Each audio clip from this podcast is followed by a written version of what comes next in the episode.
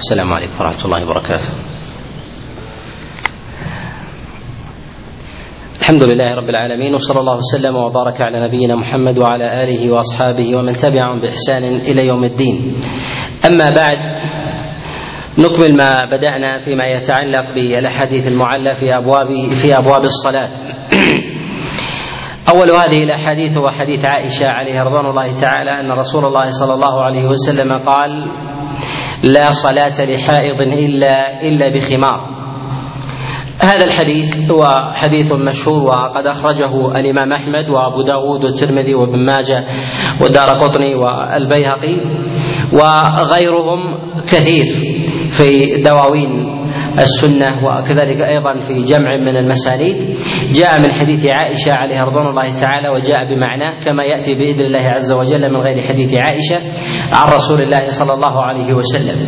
هذا الحديث يرويه هؤلاء الأئمة من حديث حماد بن سلمة عن قتادة عن محمد بن سيرين وهذا الحديث قد وقع عليه اختلاف في حماد ابن سلمة ووقع فيه ووقع فيه اضطراب. فقد وهم فيه حماد بن سلمة في روايته عن قتادة عن محمد ابن سيرين عن صفية بنت الحارث عن عائشة عن رسول الله صلى الله عليه وسلم. واختلف في هذا الحديث وصلا وإرسالا واختلف فيه رفعا رفعا ووقفا. الوهم في هذا الحديث بوصل إسناده هو من حماد بن سلمة. حماد بن سلمة يروي عن قتادة وحديثه عن قتادة فيه وهم وأغلاط فيه وهم وهم واغلاط ولديه ولديه مناكير. مناكير في حديثه عن عن قتادة عليه عليه رحمة الله.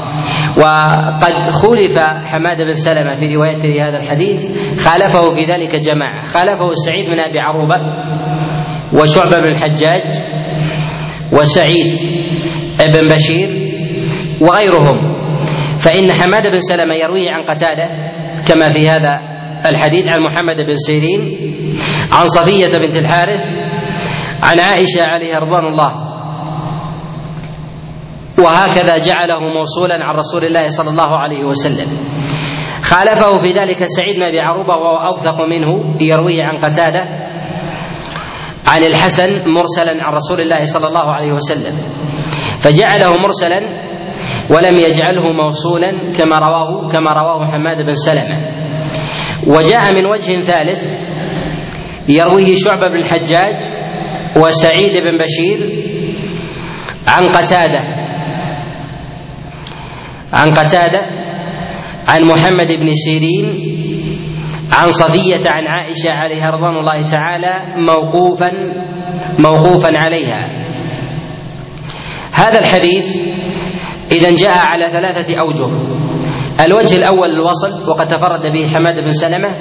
الوجه الثاني هو الإرسال. فقد جاء من حديث سعيد بن عروبة عن قتادة عن الحسن مرسلا. وقد توبع قتادة على إرساله. وقد توبع قتادة على إرساله. رواه ابن أبي شيبة في كتابه المصنف.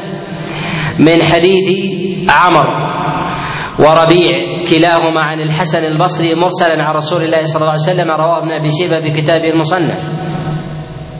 وأما بالنسبة للوقف فقد رواه شعبة بن الحجاج. وعلى هذا نقول إن هذه الأوجه التي جاءت في هذا الحديث أقربها إلى الصواب الوقف. وأما بالنسبة للمرفوع فإن الإرسال أصح من أصح من الوصل ونستطيع أن نقول إن هذا الحديث لا يثبت عن رسول الله صلى الله عليه وسلم موصولا وإنما هو من قول عائشة. بعض الأئمة يقول إن هذا الحديث ما لا يقال من قبيل الرأي. وذلك أن النبي عليه الصلاة والسلام بين أحكامه لأمهات المؤمنين ونساء المؤمنين وذلك من الأحكام. فهذا ظاهر أيضا في قول عائشة لا صلاة لحائض إلا بخمار. قالوا ومثل ذلك في نفي صحة الصلاة لا يكون إلا بنص عن النبي عليه الصلاة والسلام. ولكن ثبوت الرفع إلى النبي عليه الصلاة والسلام شيء وثبوت وثبوت الوقف شيء آخر. وأما كون الوقف له حكم الرفع هذه مسألة دون ثبوت الرفع كما هو معلوم. فإن نسبة ذلك إلى النبي عليه الصلاة والسلام مما يحتاج إلى حياطة واحتراز. وهذا ما؟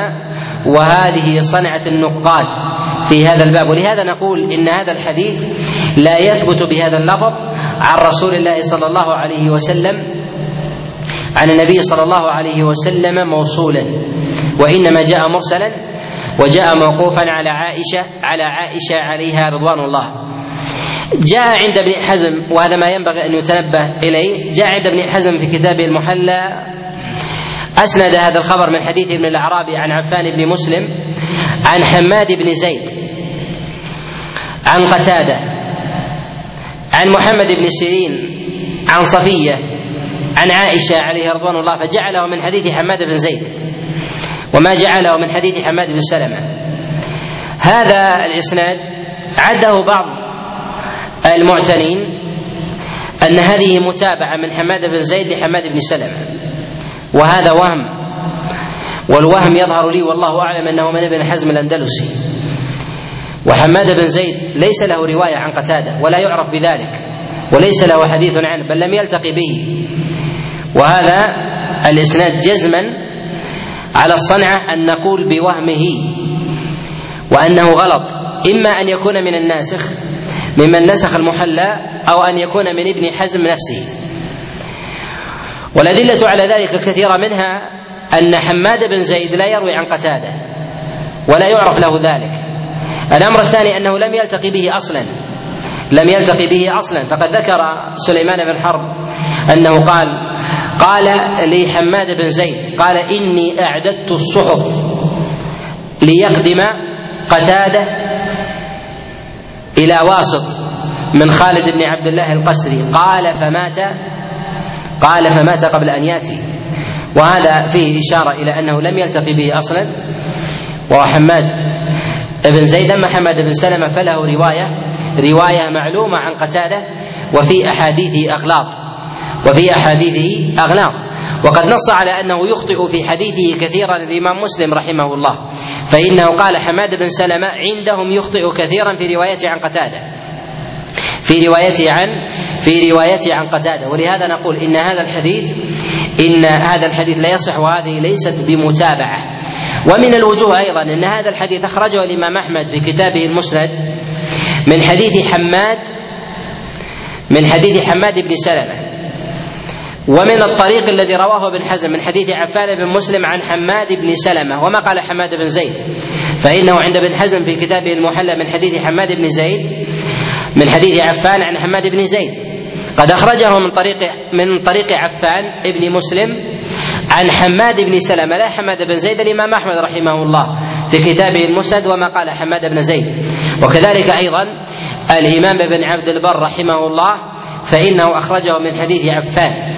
فإنه أخرجه من حديث من حديث عفان. ومن الأمور المهمة التي ينبغي لطالب العلم أن يعتني بها وهي نافعة في أبواب العلل أن أمور المتابعات والشواهد يقع فيها في بعض الأحيان وهم وغلط وهم وغلط. إما تصحيف في أسماء الرواة أو في أسماء آبائهم أو في الكنى أو في إقحام بعض صيغ السماع تكرارها حتى تصبح حتى تصبح اسما. وهذا ما ينبغي أن يتنبه أن يتنبه له من وجوه معرفة ذلك أن أن ينظر في ذلك الإسناد في مخارجه المتأخرة. في الرواة الذين يتفقون بورود هذا الحديث إلى موضع موضع المتابعة فإذا اتحدت فإن هذا فإن هذا من مواضع الغرابة. فكيف يتغير الراوي في أثناء الإسناد؟ الغالب أن الراوي يتغير في أول الإسناد هذا الأكثر والقلة أن يتغير في أثنائه لأن الطرق تتعدد ثم تلتقي ولا أنها تتحد ثم تفترق. وهذا وهذا هو الأغلب مع ورود الحالة الثانية لكنها قليلة عند المكثرين. كذلك أيضا ينبغي للناقد إذا أراد أن يعرف مواضع الخلل في الأسانيد أن ينظر في رواية الرواة عن بعضهم لا أن ينظر إليهم منفكين فينظر مثلا إلى حماد بن زيد منفصل عن قتادة لا بل ينبغي أن ينظر إلى حماد بن زيد عن قتادة. هذان الإمامان من الأئمة المعروفين بالرواية وأحاديثهم مشهورة في كتب السنة والمسانيد. فهؤلاء إذا وقع أو حصل بينهما لقاء فلا بد أن تحفل كتب السنة سواء بالمرفوعات أو الموقوفات بالرواية عن عن بعضهما. وإذا لم يقع شيء من ذلك إلا في مثل هذا الموضع مع وجود شبهة اتحدت بهذا الاسم فإن هذا فإن هذا من علامات من علامات الغلط والوهم. وقد يقول قائل كيف يجرى على توهيم وتخطئة إسناد وهذا الإسناد في ديوان من دواوين السنة كالمحلل بن حزم. نقول إن الجسارة على تخطئة مثل هذا الإسناد في مثل هذا الديوان أولى من الجسارة من جمع راويين لم يلتقيان أصلا. وكذلك جعل هذا متابع لتقوية حديث ينسب إلى رسول الله صلى الله عليه وسلم فالحياطة في ذلك أولى.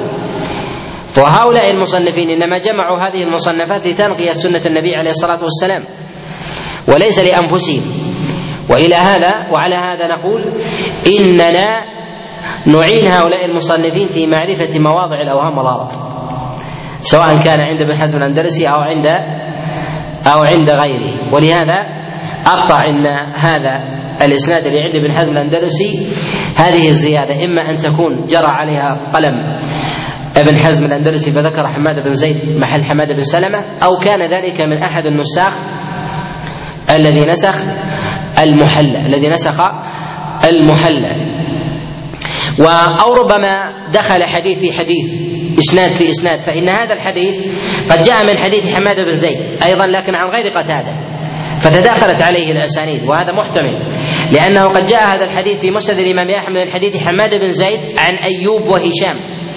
عن أيوب وهشام عن محمد بن سيرين عن عائشة عليها رضوان الله تعالى.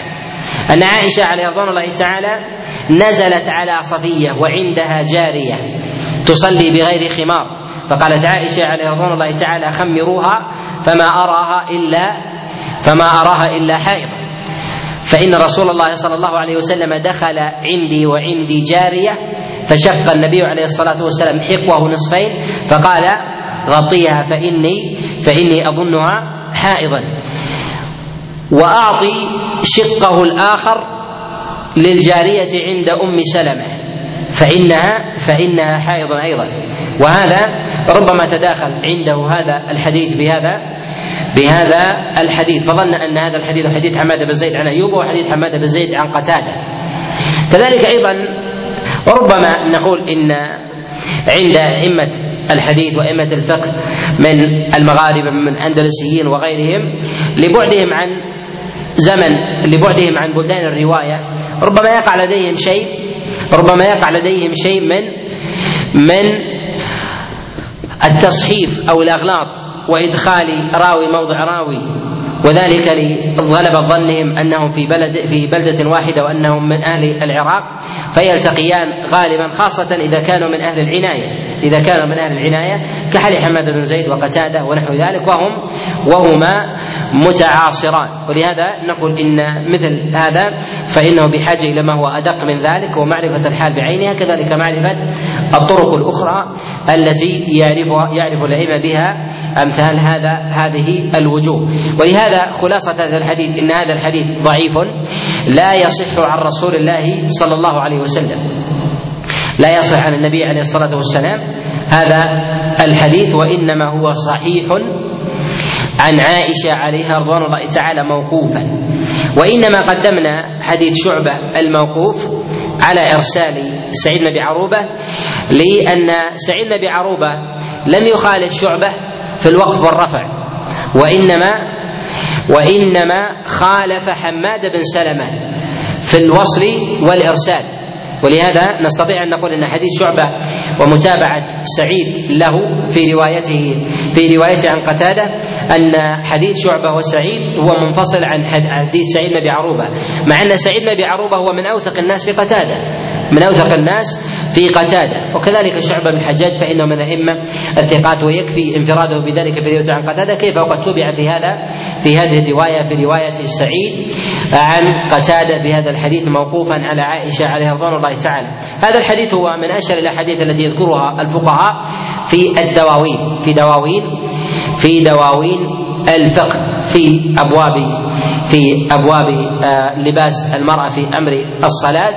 و أيضا يكثر كلام العلماء عليه من في ابواب في التصحيح ولكن نجد الأئمة الأوائل عليهم رحمة الله يميلون إلى يميلون إلى إعلاله وأنه لا يثبت عن رسول الله صلى الله صلى الله عليه وسلم.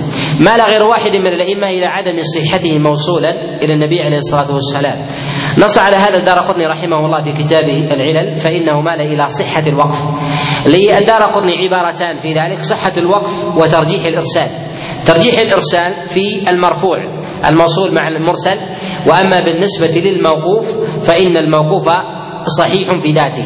لهذا نستطيع أن نقول إن الحديث إذا جاء مرفوعا وجاء مرسلا فإن صحة الإرسال والرفع والرفع موصولا تقارن فيما بينها. وأن الوقف إذا قوي وجهه فإنه ينفرد ينفرد بالصحة ولا يكون الرفع ولا الإرسال علة علة له. ولهذا نجد أن الغالب في صنيع الأئمة رحمهم الله في أبواب العلل أنهم يميلون غالبا إلى صحة الموقوفات إذا جاءت وجوه ثلاثة للحديث الواحد مرفوع ومرسل وموقوف أنهم يميلون إلى صحة إلى صحة الموقوف. وذلك لأن الوقف في غلبة الظن النفوس تميل النفوس لا تميل إليه في الوهم وإنما تميل في الرفع بخلاف بخلاف الوقف فإنها تتشوف فإنها تتشوف إلى الرفع ولا تتشوف ولا تتشوف إلى الوقف. كذلك أيضا فإن الورع لدى الراوي يتحقق في أمر الوقف ولا يتحقق ولا يتحقق في أمر أمر الرفع. فإذا شك هل الحديث مرفوع أو موقوف الورع أن يقفه لا أن يرفعه.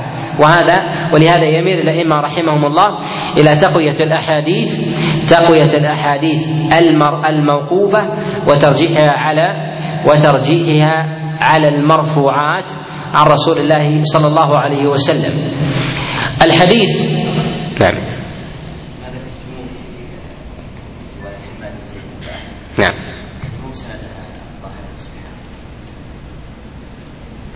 في. حديث حماد بن زيد عن أيوب؟ لا. حديث حماد بن زيد عن أيوب عن محمد بن سيرين عن عائشة. محمد بن سيرين لم يسمع من عائشة. محمد بن سيرين لم يسمع من عائشة كما نص على ذلك أبو حاتم وغيره. ولهذا نقول إن ذلك الوجه الآخر الذي أخرجه الإمام أحمد رحمه الله أنه أيضا لا يصح عن رسول الله عن رسول الله صلى الله عليه وسلم. نعم.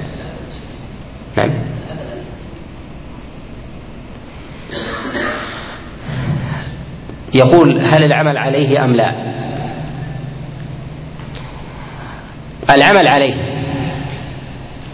ولكن هذا الحديث يتضمن دلالة مفهوم ودلالة المفهوم أن صلاة الجارية قبل لبس الخمار تصح في ذاتها بلا خمار.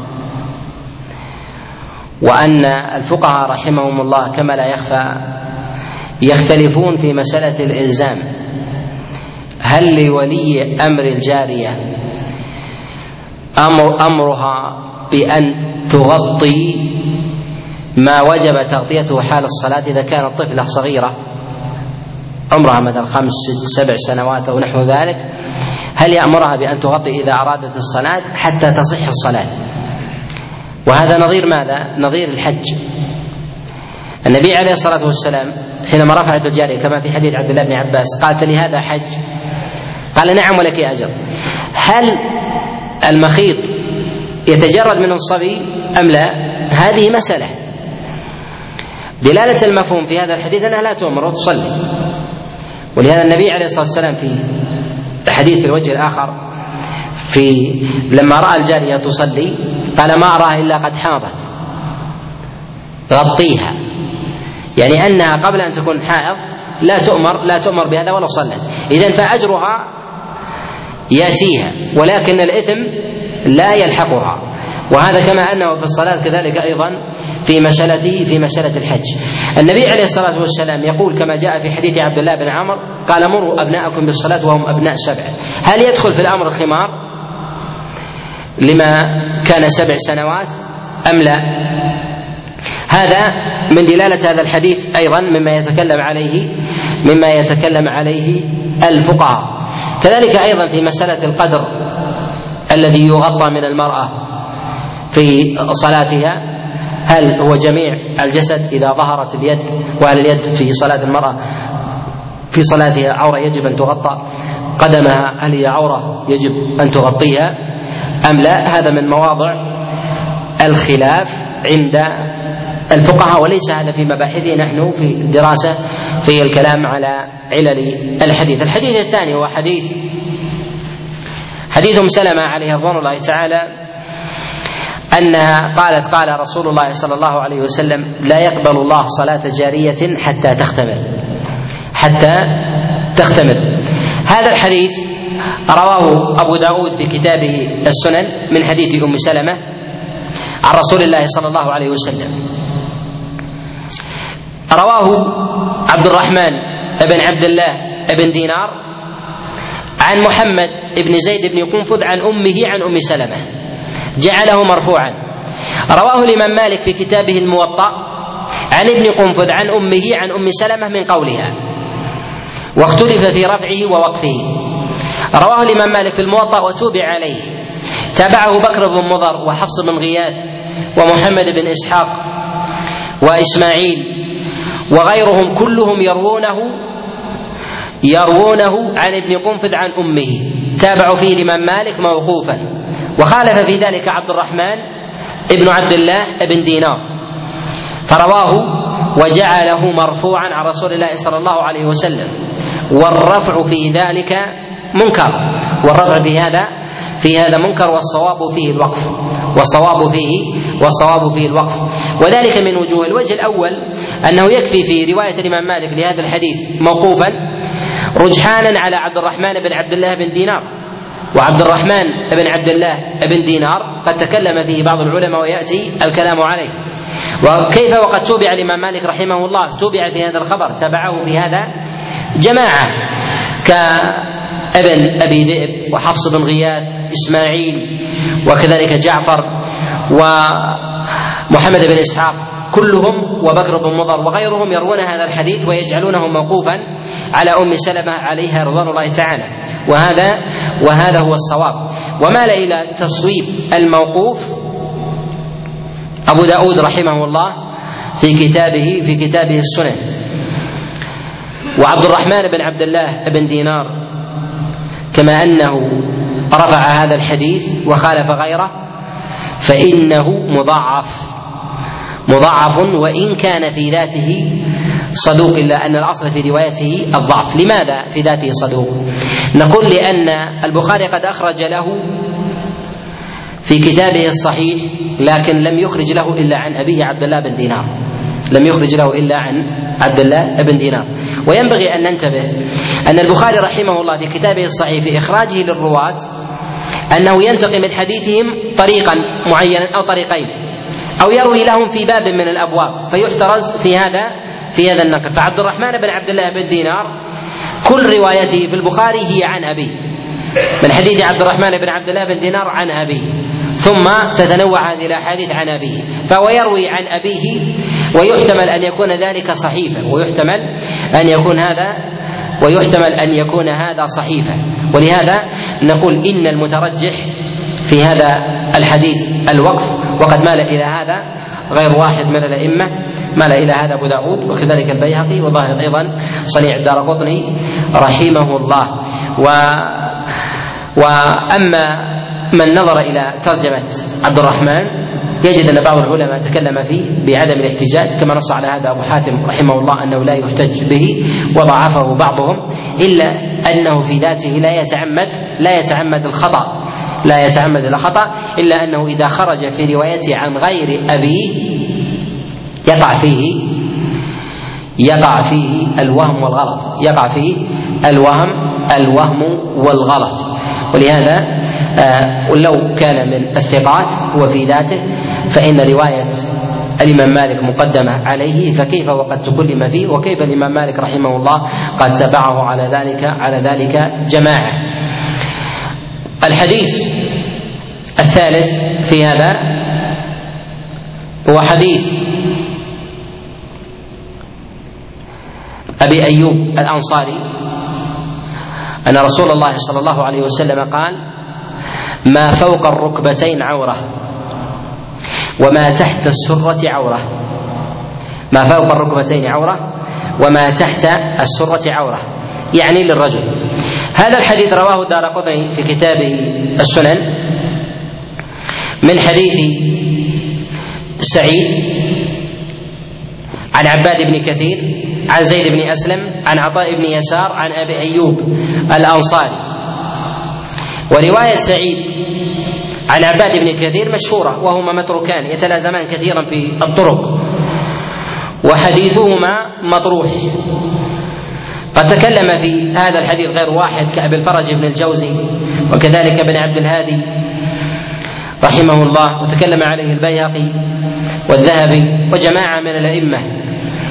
وهذا الحديث حديث منكر من هذا من هذا الوجه. الحديث الرابع هو حديث عمرو بن شعيب. عن أبيه عن جده أن رسول الله صلى الله عليه وسلم قال مروا أبناءكم بالصلاة وهم أبناء عشر سنين. وهم أبناء سبع سنين. واضربوهم عليها وهم أبناء عشر. وفرقوا بينهم في المضاجع. وإذا باع أحدكم عبده أو أمته فلا ينظر إلى ما بين سرته وركبته فإنها عورة. هذا الحديث أخرجه الإمام أحمد وأبو داود في كتابه السنن من حديث سوار بن داود المزني عن عمرو بن شعيب. تفرد به. قال العقيلي رحمه الله في كتابه الضعف قال لا يتابع عليه يعني على حديثه هذا. هذا جاء في عورة في عورة العبد أنه إذا زوجه فإن عورته تختلف عن حال الإيمان. نحن نتكلم على أبواب العورات لأن هذا من شروط الصلاة. من شروط من شروط الصلاة. في حال تهيؤ الإنسان تهيؤ الإنسان لها. هذا الحديث قد أعله العقيلي في كتابه الضعفاء بتفرد سوار بن داود المزني بتفرده عن عمرو بن شعيب فإنه قال لا يتابع عليه. وقد تكلم فيه بعض العلماء وغالب العلماء يقولون إنه لا بأس به. يقولون إنه لا بأس لا بأس به. وبعض العلماء يقول إنه لا يقبل ما يتفرد به كظاهر كلام الدار قطني. فإنه قال لا يتابع على حديثه ويعتبر به. يعني أن أنه إذا تفرد بحديث لا يحتج به وله أحاديث مناكير. وإذا تابعه غيره ممن هو مثله أو أحسن حالا منه فإن حديثه يقبل. تابعه على حديثه هذا ليث بن أبي سليم عند الحاكم وعند البيهقي عن عمرو بن شعيب عن أبيه عن جده. وليث بن أبي سليم كما لا يخفى مضاعف عند سائر الأئمة ولم يقبل روايته احد وله قبول للرواية في أبواب التفسير في روايته عن في روايته عن مجاهد بن جبر. و الرواية لأنها من صحيفة أخذها من القاسم بن أبي بزة يرويها عن مجاهد بن جبر سواء كان ذلك عن عبد الله بن عباس أو عن غيره. ولهذا نقول إن هذا الحديث هو ممن ممن تكلم عليه العلماء. وإنما أوردنا ذلك مثل هذا الحديث وله نظائر يأتي الكلام عليها لأن للعلماء كلام في مسألة عورة الرجل. عورة الرجل. العلماء يتفقون على أن أعلى الفخذ عورة ولكن يختلفون في أول الفخذ ويختلفون في الركبة. هل الركبة عورة أم لا؟ هل الركبة عورة أم لا؟ لم يثبت عن النبي عليه الصلاة والسلام خبر في أمر الركبة. هل هي عورة أم لا؟ وجاء عن النبي عليه الصلاة والسلام أنه كشف ركبته. والركبة ليست من الفخذ. وجاء النبي عليه الصلاة والسلام في أمر في أمر الفخذ. أحاديث. يأتي يأتي الكلام عليها يأتي الكلام عليها بإذن الله. الحديث الخامس هو حديث أبي قتادة. عليه رضوان الله تعالى أن رسول الله صلى الله عليه وسلم قال لا صلاة لا صلاة للجارية إلا إلا بخمار.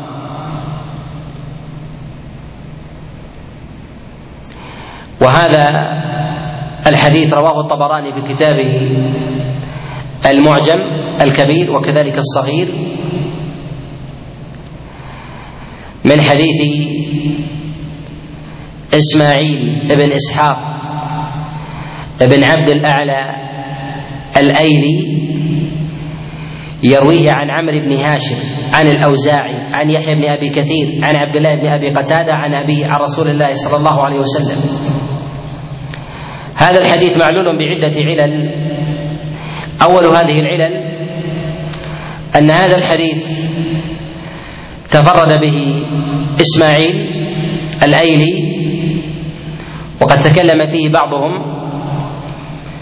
بالستر أنه لا تعرف حاله ولكن هو من طبقة متأخرة وعد في شيوخ أبي داود.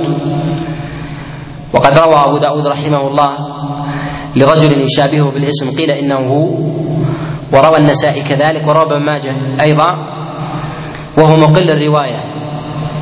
ولا اعلم أحدا وثقه من الأئمة الأوائل أو من تلاميذه. وكذلك فإنه يروي هذا الحديث عن عمرو بن هاشم. وعمرو بن هاشم ضعيف الحديث ولا يحتج به. سمع من الأوزاعي مبكرا. وحدث عنه متأخرا.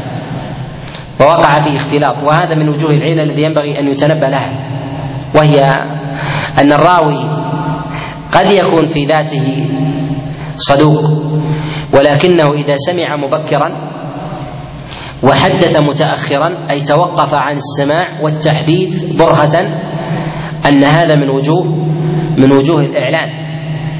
فإن عمرو بن هاشم في حديثه هذا عن الأوزاعي عن يحيى بن أبي كثير وسمع من الأوزاعي لما كان صغيرا ولكنه ما حدث عنه إلا ما حدث عنه بتلك الأحاديث إلا لما كبر. وهذا إذا تأخر الإنسان بالتحديث ولم يتعاهد محفوظه يقع لديه الوهم والغلط. ومن وجوه سبر مرويات الراوي أن يقام بسبر شيوخه ومعرفتهم وتلامذته أيضا وينظر في أول تلميذ حدث عنه وآخر شيخ سمع منه. وهذه مرحلة التوقف وهو موضع موضع الإعلال كلما زادت المدة كان هذا من مواضع من مواضع الإعلان وإذا قربت قلت العلة وإذا تداخلت فإن هذا من أمارات الضبط.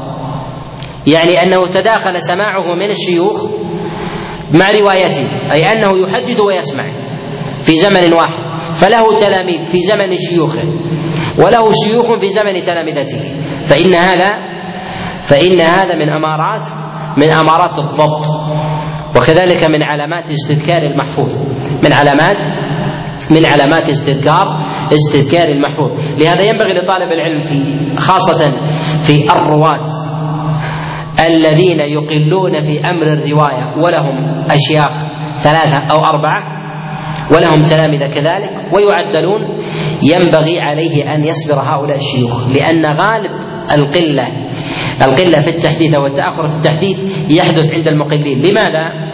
لأن المكثر إن ترك الناس ما تركوه إن ترك الناس ما تركوه وإنما قصدوه حتى استخرجوا منه الأحاديث.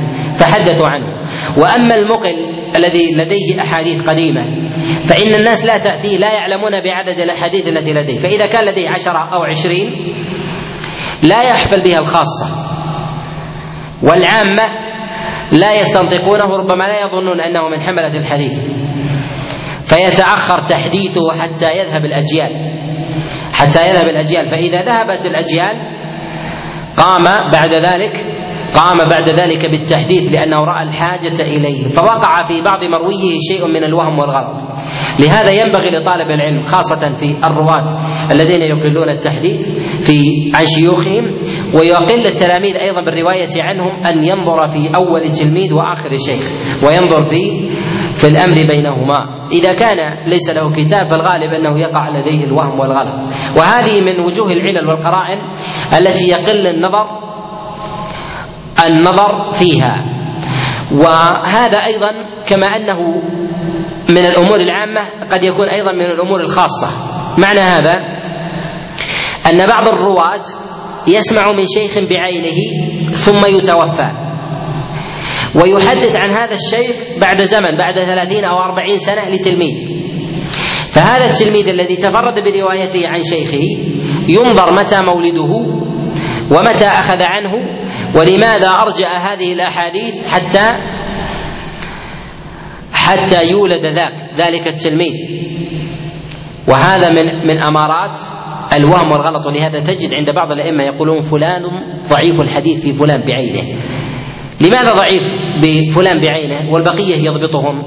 لأن فلانا قد سمع منه أحاديث فتأخر بتحديث هذا أحد الوجوه تأخر بتحديث التلاميذ بأحاديث ذلك الشيخ حتى نسي أو قارب النسيان فوقع لديه وهم وغلط ولهذا يقولون فلان يهم ويغلط في حديثه عن فلان ويخطئ. ومن وجوه ذلك هو التأخر بالرواية والتقدم بالسماع. مع أن بقية الشيوخ تداخلوا. وأما واحد فإنه تأخر بالتحديث عنه. ولهذا كلما دقق طالب العلم في أمر الرواية كلما دقق طالب العلم في أمر الرواية وزمنها في الراوي وكثرة حديثه واختصاص تلميذه وهذه السلسلة من أين جاءت؟ هذا يحدث عن فلان وفلان يحدث عن فلان ضبط هذه السلسلة ثم لماذا ينفرد عنه فلان؟ وهل هو متقدم أو متأخر؟ وكم بينه وبين شيخ شيخه؟ فهذا له أثر في أبواب فهذا له أثر في أبواب الحفظ. الحديث الخامس السادس هو حديث علي بن أبي طالب عليه رضوان الله تعالى أن رسول الله صلى الله عليه وسلم أن رسول الله صلى الله عليه وسلم قال لا تنظر إلى فخذ حي ولا ميت. لا تنظر إلى فخذ حي ولا ميت.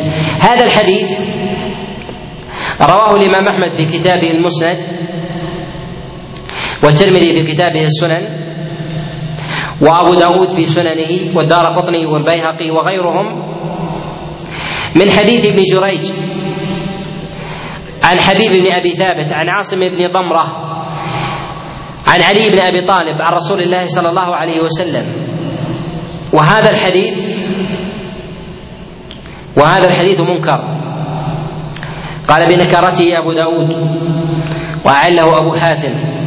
والدار قطني وذلك لأمور أولها أن حبيب لم يسمع من عاصم بن ضمرة شيئا كما قال ذلك أبو حاتم العلة الثانية أن ابن جريج حدث في هذا الحديث عن حبيب ولم يسمع منه.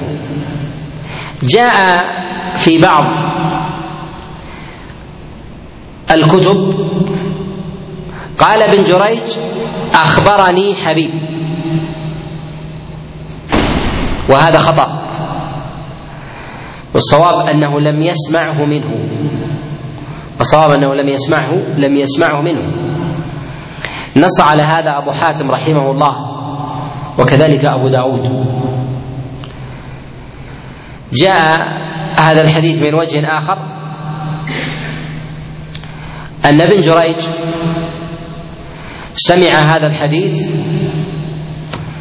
من الواسطي وهو مضعف. بل قيل بتركه.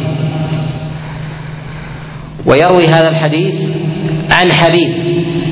ولو سلمت هذه المرحلة من الانقطاع فإنها لا تسلم بين حبيب وعاصم. ولهذا نقول إن هذا الحديث حديث حديث منكر. الحديث السابع هو حديث علي بن أبي طالب. أن النبي عليه الصلاة والسلام قال الركبة عورة.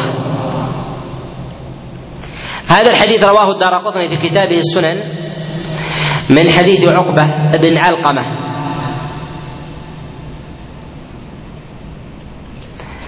عن أبي الجنوب عن علي بن أبي طالب عن رسول الله صلى الله عليه وسلم.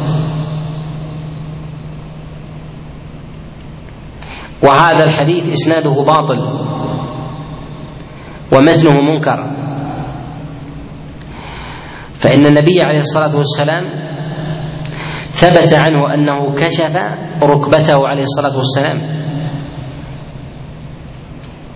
أما الفخذ فكان من النبي عليه الصلاة والسلام اعتراضا لا على سبيل الاستدامة. وهذا قد يقع من الإنسان ربما بقصد أحيانا من غير اضطراد ويعفى عنه. وربما يكون لحاجة أو نسيان. كما جاء في حديث أنس وغيرها وثمة كلام أيضا في حديث جرهد ويأتي الكلام عليه بإذن الله. وعلله كثيرة لأنه يأتي من طرق متعدده تارة من طريق زرعة بن مسلم. عن جده جرهد وتارة يأتي من حديث أبي يحيى القتات من غير رواية زرعة عن جده وتارة يأتي أيضا بالوهم والغلط من حديث عبد الله بن عباس ويأتي الكلام عليه بإذن الله عز وجل. هذا الإسناد حديث علي بن أبي طالب عليه رضوان الله تعالى في الركبة وحديث منكر. سئل يحيى بن معين عن هذا الإسناد في حديث عقبة عن أبي الجنوب عن علي بن أبي طالب ما هؤلاء؟ قال هؤلاء حمالة الحطب. يعني أنهم هلكا لا يريدون شيئا عن رسول الله صلى الله عليه وسلم ويكون ويكون صحيحا وهذا لهم سلاسل وأحاديث ومرويات في هذا. جاء في هذا الإسناد حديث عقبة بن علقمة به عن علي بن أبي طالب في أن النبي عليه الصلاة والسلام قال لا أحب أن يعينني على وضوء أحد. وهذا جاء بهذا الإسناد وهو مخالف أيضا للأحاديث الآخر التي جاءت في هذا في هذا الباب. نكتفي بهذا القدر ونكمل بقية الأحاديث في درس قادم بإذن الله. في سؤال؟ نعم. نعم. لا نبي درس بعد هذا. نعم.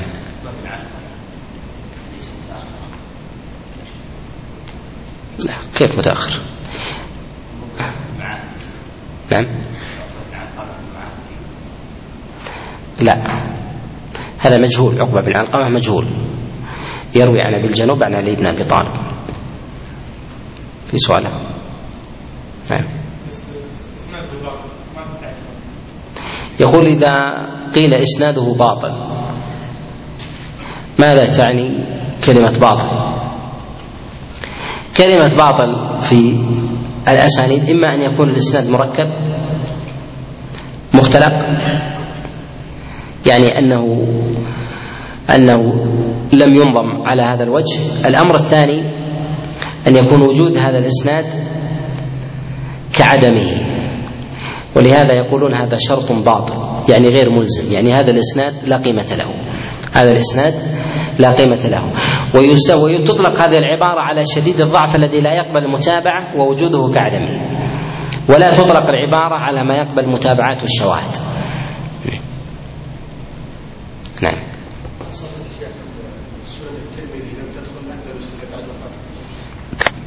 يقول هل صحيح أن سنة الترمذي لم تدخل الأندلس إلا بعد وفاة ابن حزم؟ لا. هي دخلت. والترمذي وابن حزم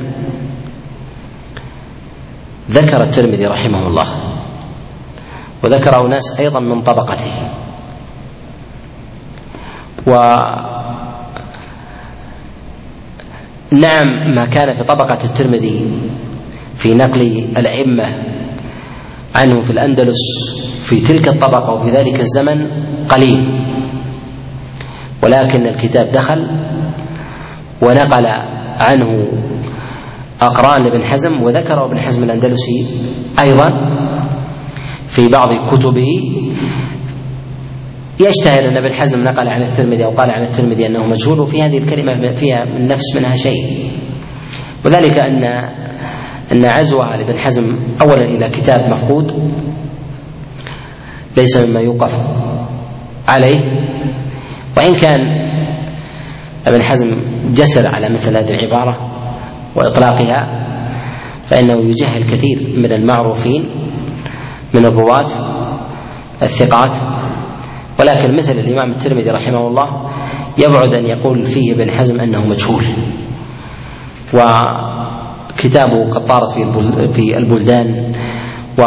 بل إن كتاب السنن للترمذي بعد ذلك بعد ابن حزم هو من أشهر الكتب في المغرب الأقصى. نعم. أجمع السلف على عدم قبول صلاة الحائض إلا بخمار مستند الإجماع هو الموقوف على عائشة. يقول أجمع السلف على عدم صحة الحائض إلا صلاة الحائض إلا بخمار. هل المستند في ذلك هو الموقوف؟ نقول مستند في هذا هو إطباق الصحابة على هذا العمل وإطباق فقهاء المدينة ومكة ولا يعلم فيهم مخالف. ثم جاء بعد ذلك الإجماع وحكي ونقل. آه، طبعا الإشكال في مسألة الخمار في حده وضابطه كذلك ما قبل السبع هل يجب على ولي الجارية أن يأمرها به أم لا؟ نعم. يقول ابن سيرين ممن يتحرج في رفع الحديث ابن سيرين هو من من أهل الاحتياط وشديد الاحتياط. ومع شدة احتياطه في الحديث يروي عن ضعفاء. وله مراسيل أيضا منكرة. وله مراسيل منكرة. إلا أنه في طبقته هو من أمثل من أمثل التابعين مراسيل. ولكن لا نقول بصحتها ولكن نقول هي من أمثل المراسيل. نعم.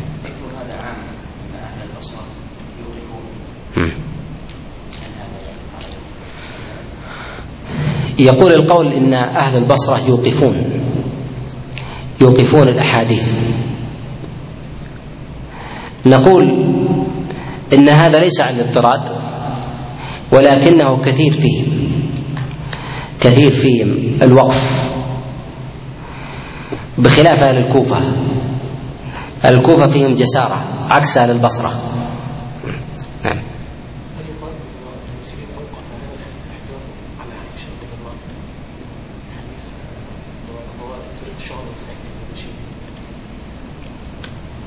لا. لا يقال. صلى الله وسلم وبارك على نبينا محمد.